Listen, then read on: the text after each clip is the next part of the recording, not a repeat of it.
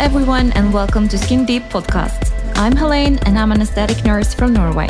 And I am Teresa, and I'm a specialist in medical skincare from Norway. In this podcast, you'll find a variety of guests and topics regarding the medical aesthetics field. We bring a holistic view on all things skin, body, mind, and well being, asking and answering questions you never dare to ask. So stay tuned.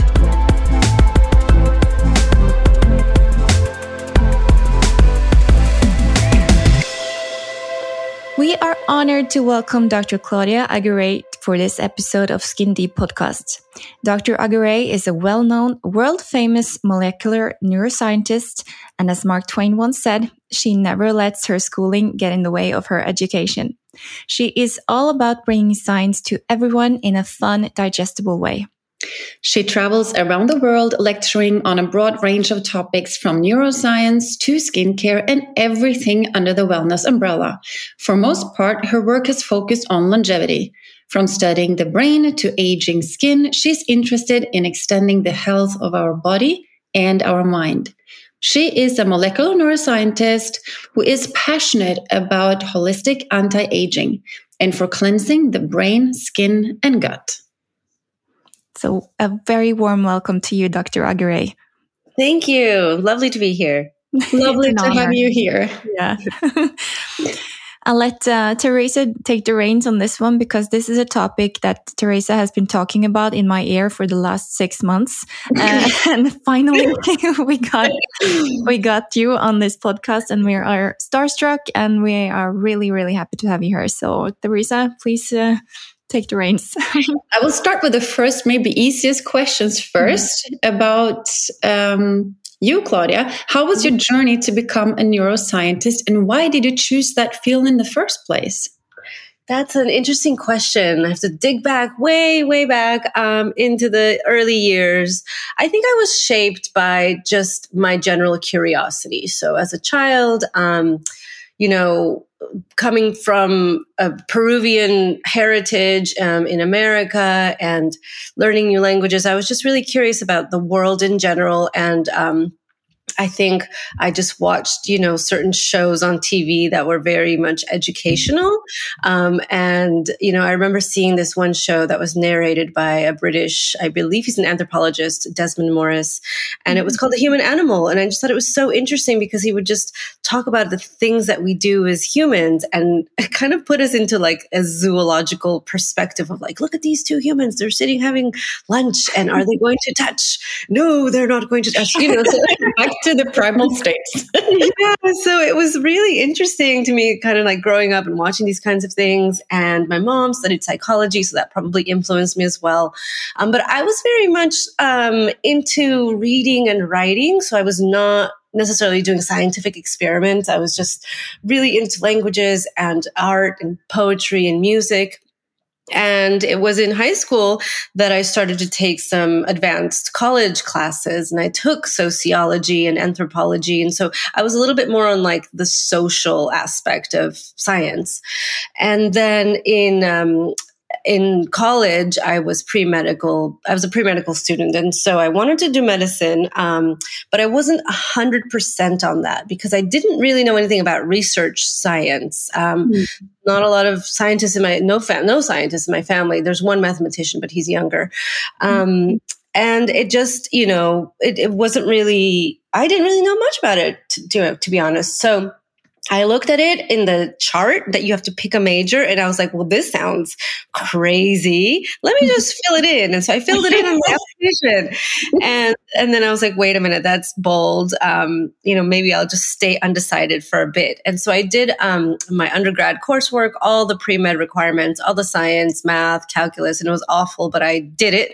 Um, but then when I got to neuroscience, that's when I just really loved it. And I I loved understanding the whys of things like why do we do this why can we see in color and why can we um, relate to other humans and and why do we sleep and all these different things um, we were talking about that. And then I started doing research as an undergrad at UCLA and loved it. I loved the lab work. It was clean, it was uh, organized, and it wasn't as hectic as like an emergency room, you right. know, medicine and i was just like that that's not for me that's not my energy level i like you know a little bit more calmness and um, organization with like control and, and also just doing experiments and the creativity of it um, i think now after all these years i can say that i do believe i'm a creative person i always need creative outlets um, you know, in the pandemic, I was just like, what do I do now that I'm not traveling all over the world? And I had a little baby. So I was, mm-hmm. I learned to crochet and we, you know, playing instruments. And so I always need a creative outlet. And I do think that science is a huge area for creativity because you get to invent things that nobody else has invented before and, and investigate them, um, and find answers and solutions to problems that don't have a solution yet. So that's what really drew me into this area and in particular neuroscience because it's us, you know, everything is the brain. Yeah, it's really it's fascinating. Yeah, it is. What a journey. How did you go from neuroscience to skin? Yes, another huge leap. So Yeah, exactly. Interesting. Like yeah, that I just filled out these bubbles on my application. Um, I was in my second year of PhD, and in, in, in America, it's a good five, six, seven, eight, nine, ten years sometimes to get your doctorate degree. So I was just in the beginning, and I was looking already at what I can do differently because I just well, I saw, you know, my professors and just the trajectory that it takes to become, you know, tenured and in just another 20 years. And I was like, wow, that's a long, long road. And I just want to do something now. So I started to look at completely different areas um, and something called marketing, which I had no idea about because, like I said, I studied science and in university. I was a psychobiology major, pre medicine. So health and science was my, my area. I knew nothing about marketing. And so I started to, uh, you know, talk to my peers and my friends that were starting to get jobs out of school. And, and then I thought, how can I connect these dots together? There's no one out there that's doing this. Um, and especially at the level that I'm getting a PhD in neuroscience, there's no one in the skincare world. And I looked through um, profiles of people that worked at big skincare companies like L'Oreal and Estee Lauder. And I didn't find a single neuroscientist, like a PhD neuroscientist. Yeah. So I said, okay, well, that's interesting. Maybe I'll be the first. Um, who knows? And I kind of like just set that aside and just with you know i guess serendipity um, i was connected with the founders of a company called dermalogica and they um, they are now part of the unilever team but at the time they met with me and again i was just in school. I was not looking for a job but they're like whenever you leave you know whenever you finish school like come work with us. And i was like wow that's so interesting skincare. Um, i normally would have done you know a postdoc at a university. Um, and so instead of doing a postdoc i graduated early. Um, i finished i finished my thesis, my dissertation um, in my fourth year, and I finished by four years, um, which is quick for the U.S. And I wrote my thesis while I was working full time at Dermalogica. Um, so I was writing it at night, and I was learning a whole new area um, called skincare and the skin, which we did not learn about in our neuroscience classes. We did not learn about the skin. So I had to teach myself about um, all the layers of the skin, all the players, all the cells, the tissues, and and how it works. And then um, relating brain to skin um, just came naturally out of that because I started to talk about sensitivity and skin sensitivity. And really, what that is is the skin's nervous system. I remember uh, watching a YouTube where you um, explain to the audience could, could you all please just shut your eyes and imagine not being able to to smell and not be able to see? And then you said can you can you please eh, try to not be able to feel? And and that's the one thing you cannot not feel. That's exactly. unimaginable. And that's, yeah. that's what the skin does. It's so yeah it's really interesting it, it is, and that um, and that was part of my my TED talk about this, which was in 2015. So we fast forward uh, several years past my early beginnings in the skincare world, and still there wasn't that connection. And so I put that thought experiment out there because it really like you can't not feel no. There's always something. You feel a little draft, or you feel your bum on the seat. You feel, you know, mm. everything. Um, the heat, the cold, yeah yeah you feel mm-hmm. everything whether you like it or not. Um, so that's what just for me that's the beauty of the skin. It's such you know it's such an interconnected interconnected organ with so many of our other systems that it's impossible to not you know be human and, and not have it. True. maybe I, i've heard you talk a lot about the mind skin connection. How does that work? So this is kind of what we're talking about, you know. It's it's fully connected because if you're if if you're feeling anything, that's your brain telling you that you're feeling it. That is your neuronal perception of what temperature is or what um, pressure is. And so already there, the mechanism and the machinery is there for our brains to say, it feels cold, it feels hot, it feels uh, soft or or not. Um, but I take it a step further and I talk about the mind skin connection because in neuroscience, we talk about brain and we also talk about mind. And we do separate the two because brain is the structure that lives in your skull and it's got a bunch of neurons and a bunch of support cells and glial cells and, and just, uh, you know, uh, an electro mechanical, um, molecular, like there's just so many things that are going on in the brain as an organ, as mm-hmm. this piece of tissue. And the mind is a little bit above that. So, in the mind, um, and again, this is a question that philosophers and neuroscientists have had for millennia. So, I'm not trying to like say that I know the exact answer because we still have a big question of like what makes up the mind and consciousness. Mm-hmm. But mind is a bit of that when it relates to consciousness, when it relates to how um, we interpret these signals from our body and our brain and what you know what that turns into for our own reality. Hmm. and that's what the mind is because the mind then makes its you know it makes up its own mind. It's like well i feel this and so therefore i need to do this behavior. And we can take it a step further and say if you see something with your eyes um, you know the notion of beauty for example or the notion of um, of something that doesn't sit right um, in in Silicon Valley. You might be hearing a lot about AI and all of these things. There is mm-hmm. something called the uncanny valley.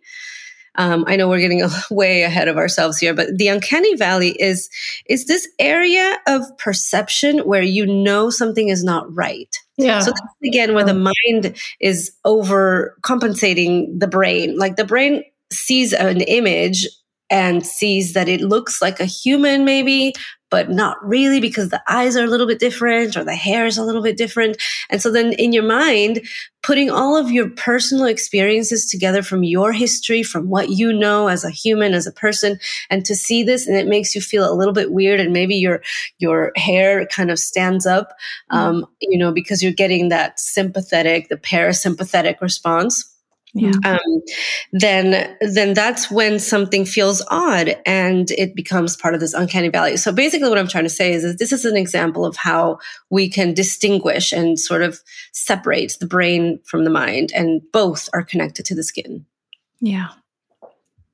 So it's fascinating. Yeah, so something lot, as simple yeah. as as a touch uh, from someone can activate mm-hmm. so many uh, response, yeah, responses in the brain. Like if you if you like visit a skin therapist and the way it feels when they touch your skin like something like that can actually set so many things uh, in sequence. Absolutely absolutely. And and here's the other aspect of it. So we're talking about mind. Like when someone as a skin therapist had, you know, maybe they're very distracted, something happened in their day and they're just not in it. Mm. And you can feel that when you get yeah. that treatment. You can, you know, you can feel somehow through their hands that they're not really, they're just doing the motions and they're mm. not really connecting and we can't really explain that with science yet but we as people we we can feel that difference and so um, touch is an integral part of our health like i can go on and on days talking about it because it's so important for just our general health but also our happiness mm-hmm. and um, and yeah just our connection to each other and to ourselves yeah. There's a saying going, uh, um, how you feel is what you will look like. And what you will look like is also how you will feel. Hmm. What do you think yeah. about that? Yeah, um, I gave a talk about the neuroscience of beauty several years ago, and that really was the the focus of it is is can we you know use what we have we have the beauty industry we have the skincare industry like is it really just superficial or is it necessary and you know from a neuroscience perspective i do believe that it is more than superficial i think it is necessary i think when you when you feel good about yourself, you obviously have better self esteem. You change the way that you talk to people and that you think about yourself. And yes. And so I think, you know, how you look does affect how you feel. And of course, how you feel affects also how you look. Mm. Yeah. That brings me up to the next uh, question, which is about psychodermatology. This mm. is a quite new field. And as we both work in skincare industry, but we also work in the aesthetic medical field, this mm-hmm. is quite new, but it's not really new. It's just, I don't know, it's coming up now first. Yeah. It's interesting field. Definitely. Yeah. I, I, would say it's, you know, it is new. Um, but it's like 20 years old. So it's exactly yeah. new, not new. the, the, issue is, you know, so many people, and by people I mean doctors, um, medical doctors, they are overwhelmed. And so to to get two certifications, to be board certified dermatologist and a board certified psychiatrist, it's a hard career move. Um, and I think that's why we are not seeing it. But the, the beauty about the holistic world and, and, you know, spas and clinics is that you don't need to do that. Like you could combine two different people and have a holistic treatment of someone's skin without just the one person doing it all. Um, the field of psychodermatology is when one person has that kind of like double certification. Very rare. But you're now seeing more and more of like these holistic clinics that maybe they have a, you know, mental wellness specialist or maybe even a psychiatrist or a psychologist. And then they also have a dermatologist. And maybe in the spa world, it's, you know, a skin therapist. Mm-hmm. Um, and so combining these two is very, very important for the treatment of skin because now we know that there are these conditions of the skin that fit into this psychodermatological world world.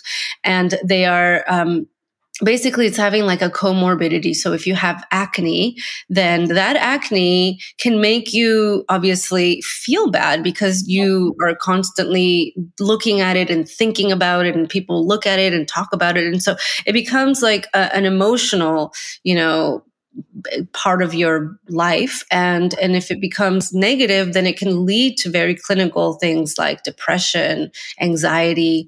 Um, and so th- our mood is affected by how we look as you just said.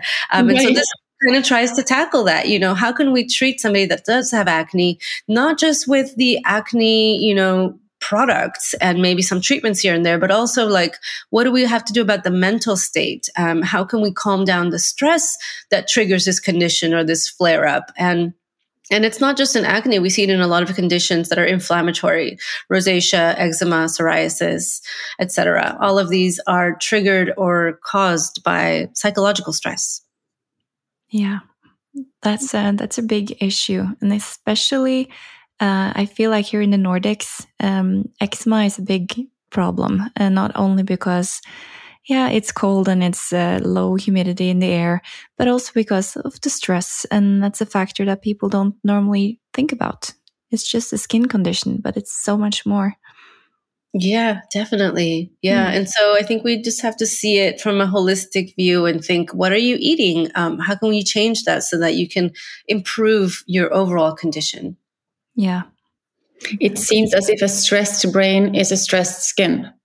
Exactly, exactly. That's, that's exactly how I end all of my, you know, talks. It's like, yeah, but it's true though. Yeah, you know, you if you are stressed, it'll show up somewhere. Um, and so when I talk about this, I say stress always has a target organ. Some people get stomach butterflies, you know, when you're doing something mm, like that makes you nervous. But then if it gets to be chronic and, you know, debilitating, then you can get an ulcer. Some people get a rash. And if it becomes chronic, then it can turn into something that you might have underlying that wouldn't have erupted if you didn't have that stress. So like a psoriasis or eczema showing mm. up um, in you know and so psychological stress is is a big issue. And um, w- what I say is that we don't have to get rid of it because you can't get rid of the world. You know, it's just not possible. But we just have to learn how to cope with it better so that we're more resilient against stress.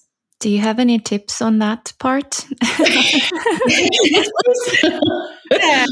for sure. And they're, you know, they're just your their usual ones, but they do work. Um, getting enough sleep is a big part of this because uh, there's so much that happens during our nighttime sleep that we're still uncovering. Mm-hmm. Um, again, like I've done these TED videos on on sleep itself and and on the skin. You know, as you said, stress skin. You know, stress mind, stress skin, but also sleep deprivation is skin deprivation. So you will see changes in the skin if you don't get enough sleep. Um, so that's one main thing. And the other one, obviously, um, getting rid of stress in some of the tips are just finding ways to cope with that stress. So it's, it could be as simple as, um, you know, doing some mindful movement. And so you can do exercise, but sometimes when you attach the mind to it, it becomes more intentional and you can really set a tone for what you're trying to achieve. It's a little bit of like a, like a diary, a journal, right? You have like a way to focus on what you want. Mm-hmm. And so mindful movement, yoga, um, Tai Chi, like these are great because you're really focusing on your mind using your body. Um, mm-hmm. So they're not necessarily like go and work out and, and, you know, go to I don't know, spin class. Like that's, it's fun, but it's not the same. Um, So mindful movement is great for relieving stress. Um, obviously, just having a routine um, around either it's bedtime or waking up time that kind of just lets you have your own little control of what you can do and and set the day for that um, and set the day for you. So you can um, you know have a cup of tea um, stress relieving herbs are out there. They're just so easy to find. Um, chamomile obviously. Scents are a big part of this. Mm. so either scent with yourself or your room or where you are. Like that's also a big part of it. Um, you can diffuse essential oils like lavender, um, cedar wood. Um, you know, they, those are grounding and de-stressing. Anxiolytic is what we see in the literature. Um, when, when I look for specific scents that are going to have a specific, um, effect on reducing anxiety. So that would be anxiolytic. Um, some of the other things, of course, is just um, having ways to cope. And I think I used to work um, in the meditation space quite a bit, and it's just becoming a little tricky for people to do all this. It's not that easy, especially when you're busy and you're a mom and you're working, and it's just a lot. So what I'm talking about now is more just breathing it's much easier and it's free and it's it's just faster and it works. Um, we're seeing great research around how breathing and breath work really changes your biochemistry. So when you take deep breaths, you can do something like box breathing when you're in a state of stress. Um, again it is a simple exercise but once you do that you're activating you know your parasympathetic system you're um, toning the vagal nerve you are um, reducing heart rate you're changing a lot of your cellular and molecular um, you know things that are going on in your body. So so this has rapid effect um, and it's been shown to have you know down the line using this a lot has been great for just being more resilient against stress. So those are your general, I would say, stress relieving tips is using your senses to reduce your stress and being aware of it is probably the number one thing. Thank you so much. We will take everything and incorporate it into our hectic lives. You mentioned something about uh, inflammation, and I have a question for you there. Neurogenetic inflammation. What is it? Mm, yeah. Um, so that was way back when I started to connect the brain and skin. I talked about we have this um, regular kind of inflammation that we've all learned about. Um, and then there's something kind of newer and interesting, and it's called neurogenic inflammation. And what that means is that you can get the same response, for example, on your skin as you would if you had a little scrape on your skin. When you get your little scrape or a little cut on your skin, then you have a release of histamine, mm-hmm. mast cells release histamine, then you get the blood vessel dilation, you get the redness, you get maybe a bit of itchiness because mast cells, um, the histamine is related to itch as well. And so, you know, all of these things we've known when we get like a paper cut, but your brain does that all by itself as well. And that's what neurogenic inflammation is, is right. you become so stressed that all of a sudden you feel like you have, you know, a rash or mm-hmm. itchy skin or redness on your skin. Maybe it's blotchy and dehydrated. And that's what neurogenic inflammation is. It's literally inflammation that's coming from inside um, due to your psychological state. Does that also impact the barrier? Obviously, it does. Yes, for sure, because the barrier is is really very thin when you think about it, and so mm. you know, just something like a soap will strip off some of those um, lipids on the epidermal layer, but mm. um, stress also causes skin dehydration. So you have more transepidermal water loss that happens and of course the barrier becomes weaker. And so you're not able to um, heal from a wound as quickly. And a wound doesn't even have to puncture the skin. It could be as simple as like taking a piece of tape and putting it on your skin. This is how they do the experiments. They take a piece of tape they put it on the skin and then they they rip it off. And it doesn't hurt because it's just a little scotch tape um, but on the scotch tape, because it's transparent, you can see the skin cells. Yeah, um, yeah, you can. So when you're stressed, um, you know this the skin does not regenerate as as quickly as when you're not stressed. And so think about that when you're doing treatments, but also when you're receiving treatment. So when you're stressed and you go into a salon or a spa and you're getting a microdermabrasion, you're going to get a bigger, more drastic um, effect because you're already stressed and your barrier is already compromised. Your water is already more, you know, your moisture is already lower because you're experiencing more moisture loss. Um, you might have more oily skin because your body doesn't normally produce that much water, but it's easy for your skin to produce oil. And so then it produces oil. So all of these things, um, you know, think about them if you're, whether you're in the treatment room or thinking about getting a treatment, like being stressed is going to make a difference.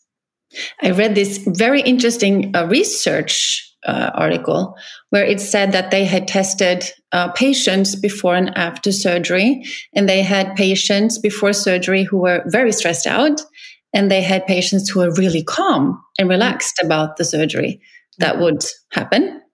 And in the following days, post operatively, the people or the patients who were very calm, their IL-1 receptors were more able to work than on those patients who were stressed out. So they healed worse. Mm, yes. Yes. It makes sense in a way. it's yeah, it's so easy. So the IL one receptors for interleukins, these are just your white blood cells. They're necessarily right. part of inflammation, um, and Yes, when we are already stressed. So stress equals inflammation. So if you are stressed, you already have inflammation.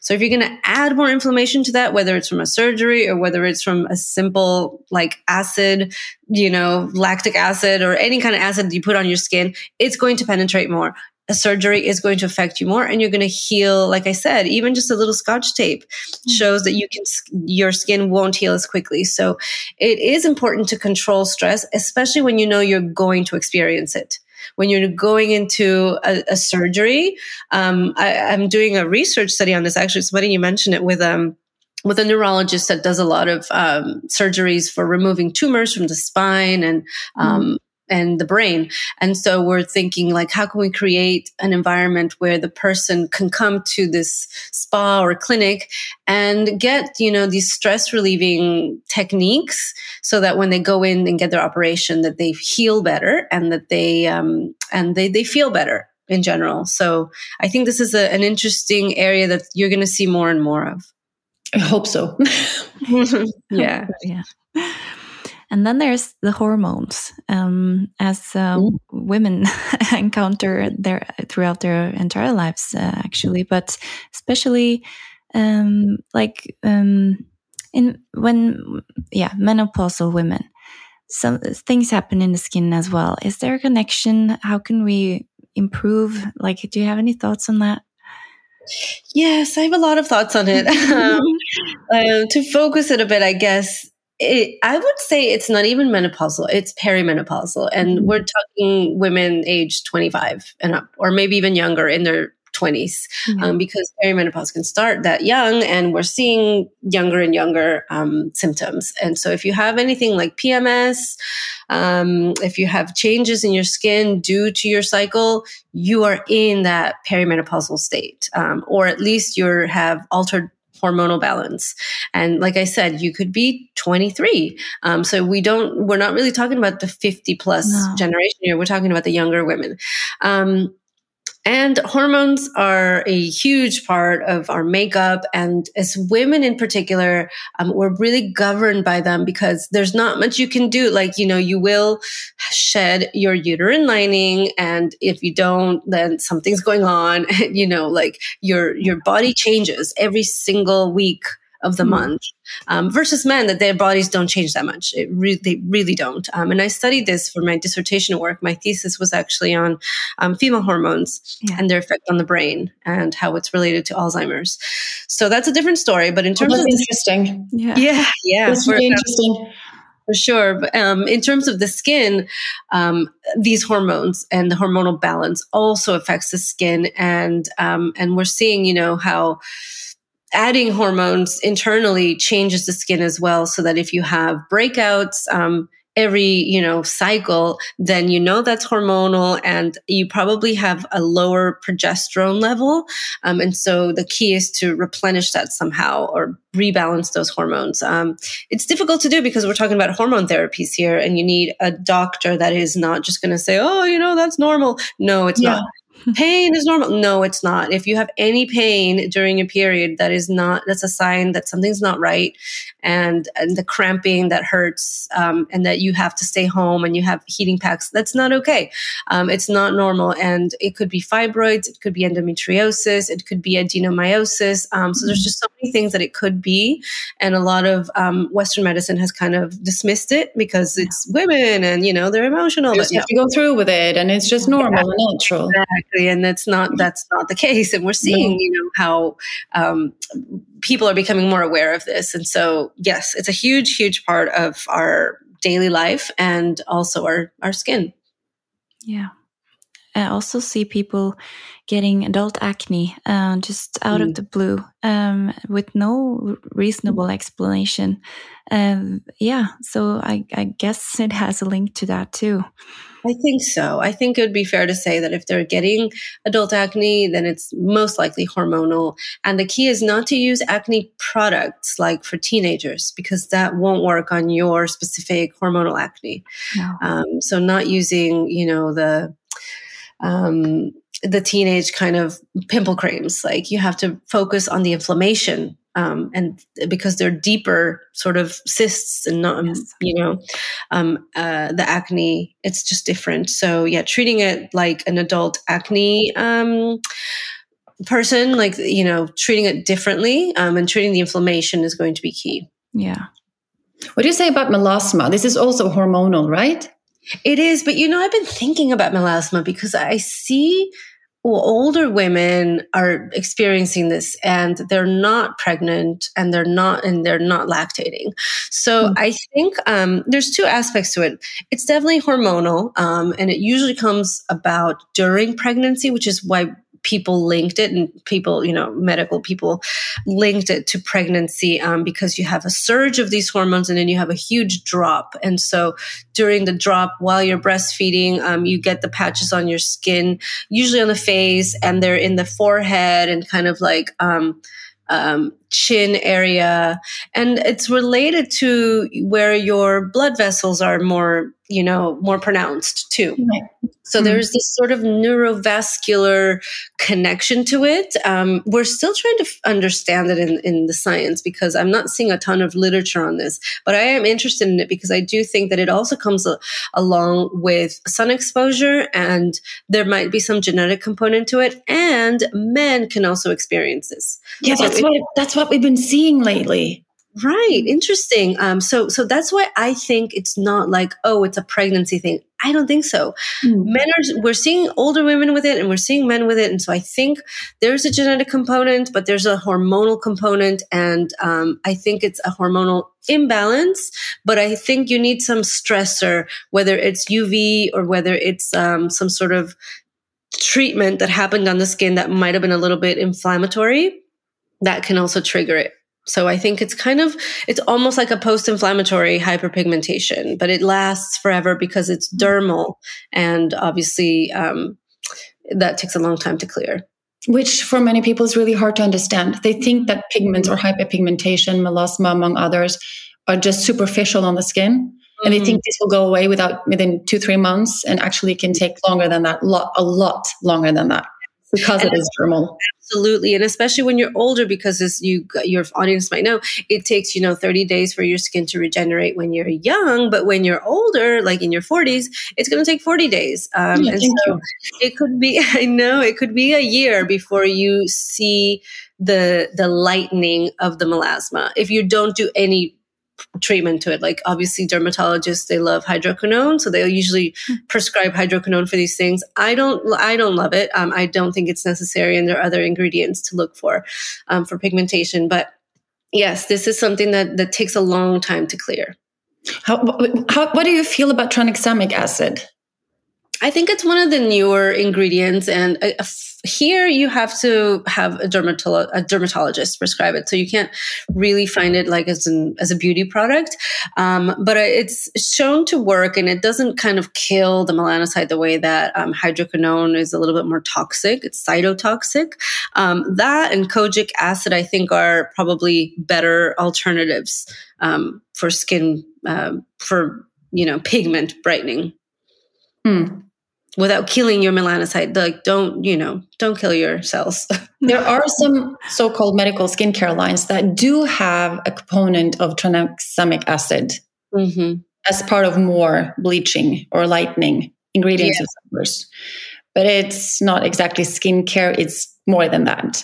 Yes, yes. It's a, it would be like a, a dermatological um, you know cream right. that has that and it's got and it, a lot of them are also blends. So you'll find it with um, you know there's a retinol or maybe it's um, retinoic acid with um, maybe it's got that ingredient plus a hydroquinone. And so dermatologists are constantly trying to kind of like or pharmacists you're trying to you know create better formulas for this because it is such a long lasting thing. I, I'm a little bit more of a gentler to your skin perspective, more holistic, you know, view for your um, for your skin. I don't think that you necessarily need these. Like if you need to clear them um, because of some, you know, it's causing a lot of pain in your life then yes those are options. But if it's if it's something that you can kind of deal with and let your skin kind of gently regenerate um, then there's other things that you can do. You can help speed up your cell turnover with vitamin a and you can um, obviously use sun protection and um, use some of the gentler you know exfoliants and and maybe some skin brightening things. Vitamin c is great yeah. Um, things like that. You know we had some clinics coming saying or asking, this is just taken out of the blue still, but how about blue light, blue energy visible light and melasma? Because now we start to see it also in older people. Mm. Interesting. Um, I it's do interesting thought. Yes, I do think that blue light affects the skin. Um, we've seen interesting studies on this, and blue light is a high energy light, and so it will penetrate. And here's the interesting thing: I was, like I said, I was in a sauna this morning, and but I was in an infrared sauna, and I personally prefer like I've been in Finland and I did the whole Finnish yeah. sauna, jump in a frozen lake, go back to the sauna, go back to the frozen lake, eat your fish. It was wonderful. Um, it's still so cold. but I'm in California and it's just really hard to find a Finnish sauna out here. Um, so I'm sort of kind of trying out the infrared saunas, but I I am not hundred percent sure that they are very safe. Um, and they also have chromotherapy, which is great um, because it's just light. It's not LED, or it is probably LED, but it's not um, any high energy, you know, component. It's just colors. Um, so in the sauna this morning, I was thinking, well, our skin has like opsin receptors. Now, opsin receptors are found in our retina, which is behind our eyeball. The retina is the brain tissue, so it's neural tissue. The yeah. the retina allows us to process uh, vision, you know, and see the things that we're seeing in the world, um, which has a huge, huge uh, effect on our perception of the world. So, why does our skin have, you know, retinal cells and receptors. It doesn't, you know, to an uh, to an everyday person that would make no sense. Um, we're still trying to figure that out, but I do think that our skin can see, and our skin can see in colors. So that's coming. You know, that's interesting for the future is to know that how the colors affect our skin um, and how that makes us feel in the end. And perceiving it, so they can feel feel or see the bad or the the good in what. Yes, yes. I think you if you take us a big step back and you just think about us as like animals on a big planet near the sun, right? Um, so in the morning, we have exposure to blue um, because the sky is usually blue. At least here in California, the sky is sometimes here too. Not that often. you guys might have a few more clouds, but it's generally white or blue. It's not orange pink. Um, we get that in the evening. Um, our sunsets are orange and pink and purple and and beautiful, but that over millions and millions of years would have an effect on our tissue because well of course we've been we've been kind of you know um, I don't know what would be the word like we've been conditioned to these light changes. Mm. So I think there's something there, um, and I think that um, blue light being high energy wakes us up. It it's more you know like here's the morning. It um, changes our mel- melatonin so that we don't need to produce melatonin because now it's daytime, um, and so it affects our brain through our eyes and it affects our brain through our skin. I believe um, because it does have these opsin receptors, and so blue light has been shown to have you know an aging kind of effect on the skin. Yeah. Um, what about red light? You know, red light um, sometimes that can be seen as kind of healing or producing collagen. A lot of these um, LED machinery, you know, and treatment tools came out a decade ago or more, um, and they were using light and sort of this chromotherapy, and um, and so the red light being a little bit of the sunset light, and that could be a little bit more warming and calming and healing. Um, and what we're seeing with the screen use is that um, for me as a neuroscientist, I'm more concerned about screen use in your brain. Um, yes, it can affect your skin, but you know you can just put like they do have ingredients against this, and it just comes from a tomato. It's called lutein, um, and they have like a sunscreen for a screen, basically, right? A screen screen. Yeah. Um, I will trademark that. Um, Do that. you need to take your dose of screen screen. yeah, exactly. And really, what you need is that some sort of orange hue that you can put on your skin that will kind of counterbalance the blue coming out of your screen. Um, so yeah, so that's an interesting new area. But like I said, as a neuroscientist, I'm more concerned about the effects of blue light on our sleep and our brain. So because it's not, not enough just to turn off the uh, turn on the like night button on the iPhone. um, I do that too, but no, it's not enough. No. I think um, it oh, helps. Oh, no, it changes. It, it does change the the warmness of the light. Um, and if you have to work at night, you know, at least you have that. Mm. And then I also use blue blocking glasses when I do any work at night. Um, so I wear my little blue blocking glasses, um, and it's really just to protect my brain from going like, "Wow, it's still the middle of the day. Like, let's just think and not stop." And again and your light bulbs in your house make a huge effect. So even if you have your little dimmer on your phone, if you have a desk and you're sitting under a bright white light, that's not going to help you get sleepy. You want to kind of design your home so that you are sleepy at night and you are waking up in the morning. Mm, makes makes perfect sense. that's why we yeah. don't sleep, Helena. But like, Claudia, yeah. this um, both like medical aesthetics and and your field, they're they're kind of embryonic fields. Uh, what what are some mistakes you think we will look back in twenty years thinking, what the hell did we used to do? Uh, do you have any? How could we be so stupid? Yeah, why did we do that? Do you have like any opinions on that? Um, just a well, you know, like I said, I I am just getting a little bit concerned about infrared saunas. Yeah. They're everywhere. Um, I have seen research when I, I wrote a class on solar defense, you know, and the ingredients around sunscreens. And I remember the research showing very clearly how infrared light penetrates the skin deeper than even ultraviolet light. Yeah. So UVB goes up to the epidermis, UVA goes down to the dermis, which is why it causes um, damage to your cells, and then you get skin cancer. Now, infrared goes deeper than that. Um, I think maybe and i could be wrong and i hope i'm wrong but maybe we'll look back and say like wow these are the tanning beds of yeah oh. you know so mm we'll see. We'll see. But i have i have a few reservations around it. That said i did it to myself this morning. Um you know and i've, I've locked in for the next few weeks. But um yeah it's just you know it's a different kind of wavelength and energy that we don't fully understand the, the long-term effects of it. Yeah. Yeah. You guys Hopefully we get smarter with time but i don't know yes. Screens screens social media. Oh my gosh i can go on for days but social media is another one that we might look back and say like wow this really yeah. was not great. Do you think it, do you think it will mess up an entire generation of people? Um well i speak as a millennial but i have a young son and um yes i think it could. And yeah. we're seeing a lot of loneliness and detachment. And like I said, touch is the most important thing that we can do for our humanity.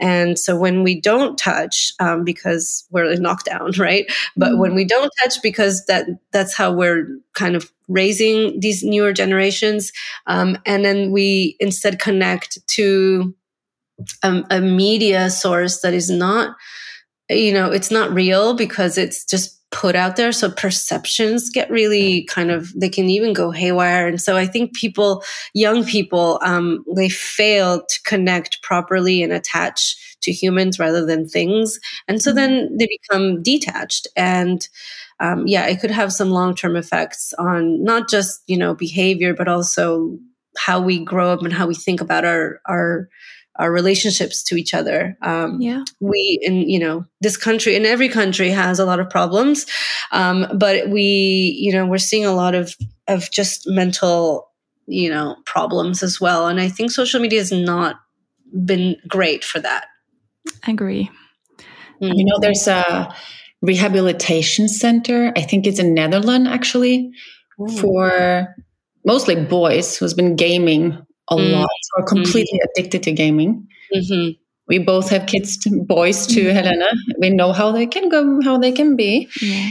But now they also, I read this news that they probably want to take in um, youth, young children, or older children for that matter, to rehabilitate them from social media addiction. Mm because they suffer from very low self esteem. And if they don't get their dopamine mm. each day on how they look, they can't really feel good about themselves. And it's, it is a problem.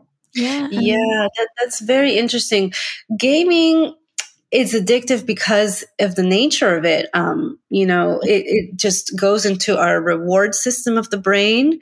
And so you really can get hooked on these things. Um, and that's, I mean, it's sad to see, but it's also good to see that there are these programs like that. I think the mm-hmm. cure for all of this is nature. So take your kids and just take them outside and like show them how to be outside because if you don't show them and you just toss them outside um, they won't know what to do. I saw a really weird tiktok of a woman and she was filming these these younger boy well no they were like teenage boys and they were outside and they didn't know what to do. They were just like circling yeah. around and then another one was like kicking a, a, rock and it's like how do they not know how to behave in the outside world?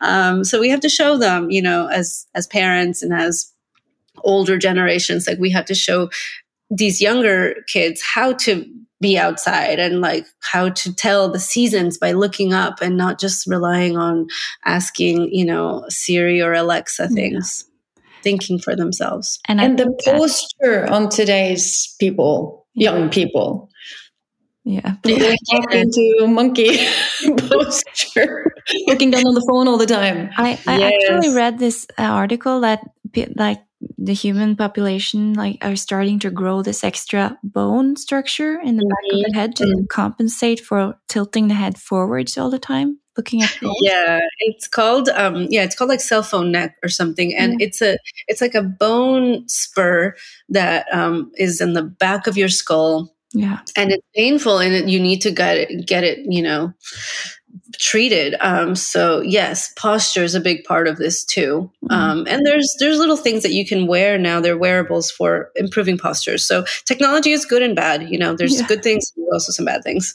Of course, of course. I want to swim back to the hormones and yeah. skin. Going for a derail right now. Um, yeah, yeah. What is neuroendocrine response? It's hormonal, it's neurological, but what is the response? Um, I believe that's that's more about um, there are we call them hormones but we also sometimes call them neurohormones because they're produced by the brain. So a lot of people don't understand that like for example testosterone. Testosterone is a hormone. It's mostly you know it's found in males but it's also found in females. Um, the testes produced testosterone but also the skin produces testosterone. Um, cortisol is another hormone. It's a stress hormone. It's not the only one. It's there's also adrenaline noradrenaline but cortisol is produced by the adrenal glands. Cortisol is also produced by the skin. Um, so you don't need to have an adrenal gland to make cortisol and you don't need to have um, testes to make testosterone. And you don't need to have a brain to make any of these. You don't need to have a brain to make um, uh, some opioids too, that are neuro opioid, like synthetic, not synthetic, but like um, end- endogenous. So. Mm. Our skin is a producer of a lot of these things. And um, our brain is as well. So the brain also produces these hormones. And so when they come from the brain, they're called neurohormones. Um, and what they really are is just chemical messengers. Like at the end of the day, they're just chemical messengers. They tell, they communicate. They're constantly communicating to the cells and to the tissues, like what's happening and how to change. Um, and so a neurohormonal response is just a hormonal response, um, but maybe it's coming from the brain rather than a specific organ. Understand. Interesting. Yeah, it's really interesting, actually. Yeah, so let's round this one off with asking you, like, what's your favorite topic to talk about or or study? um, I'm just gonna say the brain because it encompasses everything. Yeah. Because when I talk about the brain, I can talk about colors, I can talk about music, I can talk about um, technology, I can talk about behavior. Um, so it's just like a, it's just encompassing so many different things, and I think I I, I, do talk about so many different things, um, but I I love mostly talking about the connections and, and, connecting the dots between our mind and our body and what that means for our for our relationships and our lives in general. Yeah, it's really interesting. It has been a pleasure having you on. And would you please um, mind telling our listeners where they can find you, find your research? Mm. Um, yeah. Yes. Um, so uh, you can just find me online. It's drclaudia.com. Um, social media, I know we've talked about this, but I'm on there. And um, if you have questions, I can answer them, um, you know, on Instagram, Twitter. Um, and and you know TikTok, we'll see. I'm planning some videos, but it's just I don't want to get it to be the addictive state. I stopped posting on Instagram um, just because it was getting to be too much, and there's a lot of pressure about making it, you know, aesthetic. Um, yeah. So yeah, but um, if you have questions, just reach out. I'm happy to answer, and of course, just look out for more videos and more. Um, more interviews, more content, and and maybe I'll be in one of your countries sometime. Yeah, we'll take yeah. you to uh, the Norwegian sauna for sure. Oh, yes. no infrared lights. Yeah. yes. Yes. well, Wonderful. thank you so much and have a lovely day back in thank LA. Thank you so much. Yeah. Pleasure. So we'll it was a pleasure to, to have you. Thank you. Yeah. Thank you. Have a good one. Bye. Bye. Bye.